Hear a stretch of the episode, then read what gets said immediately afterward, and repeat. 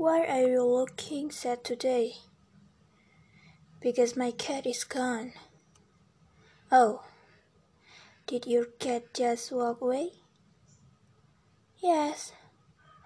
My cat just left and it hasn't been home for two days.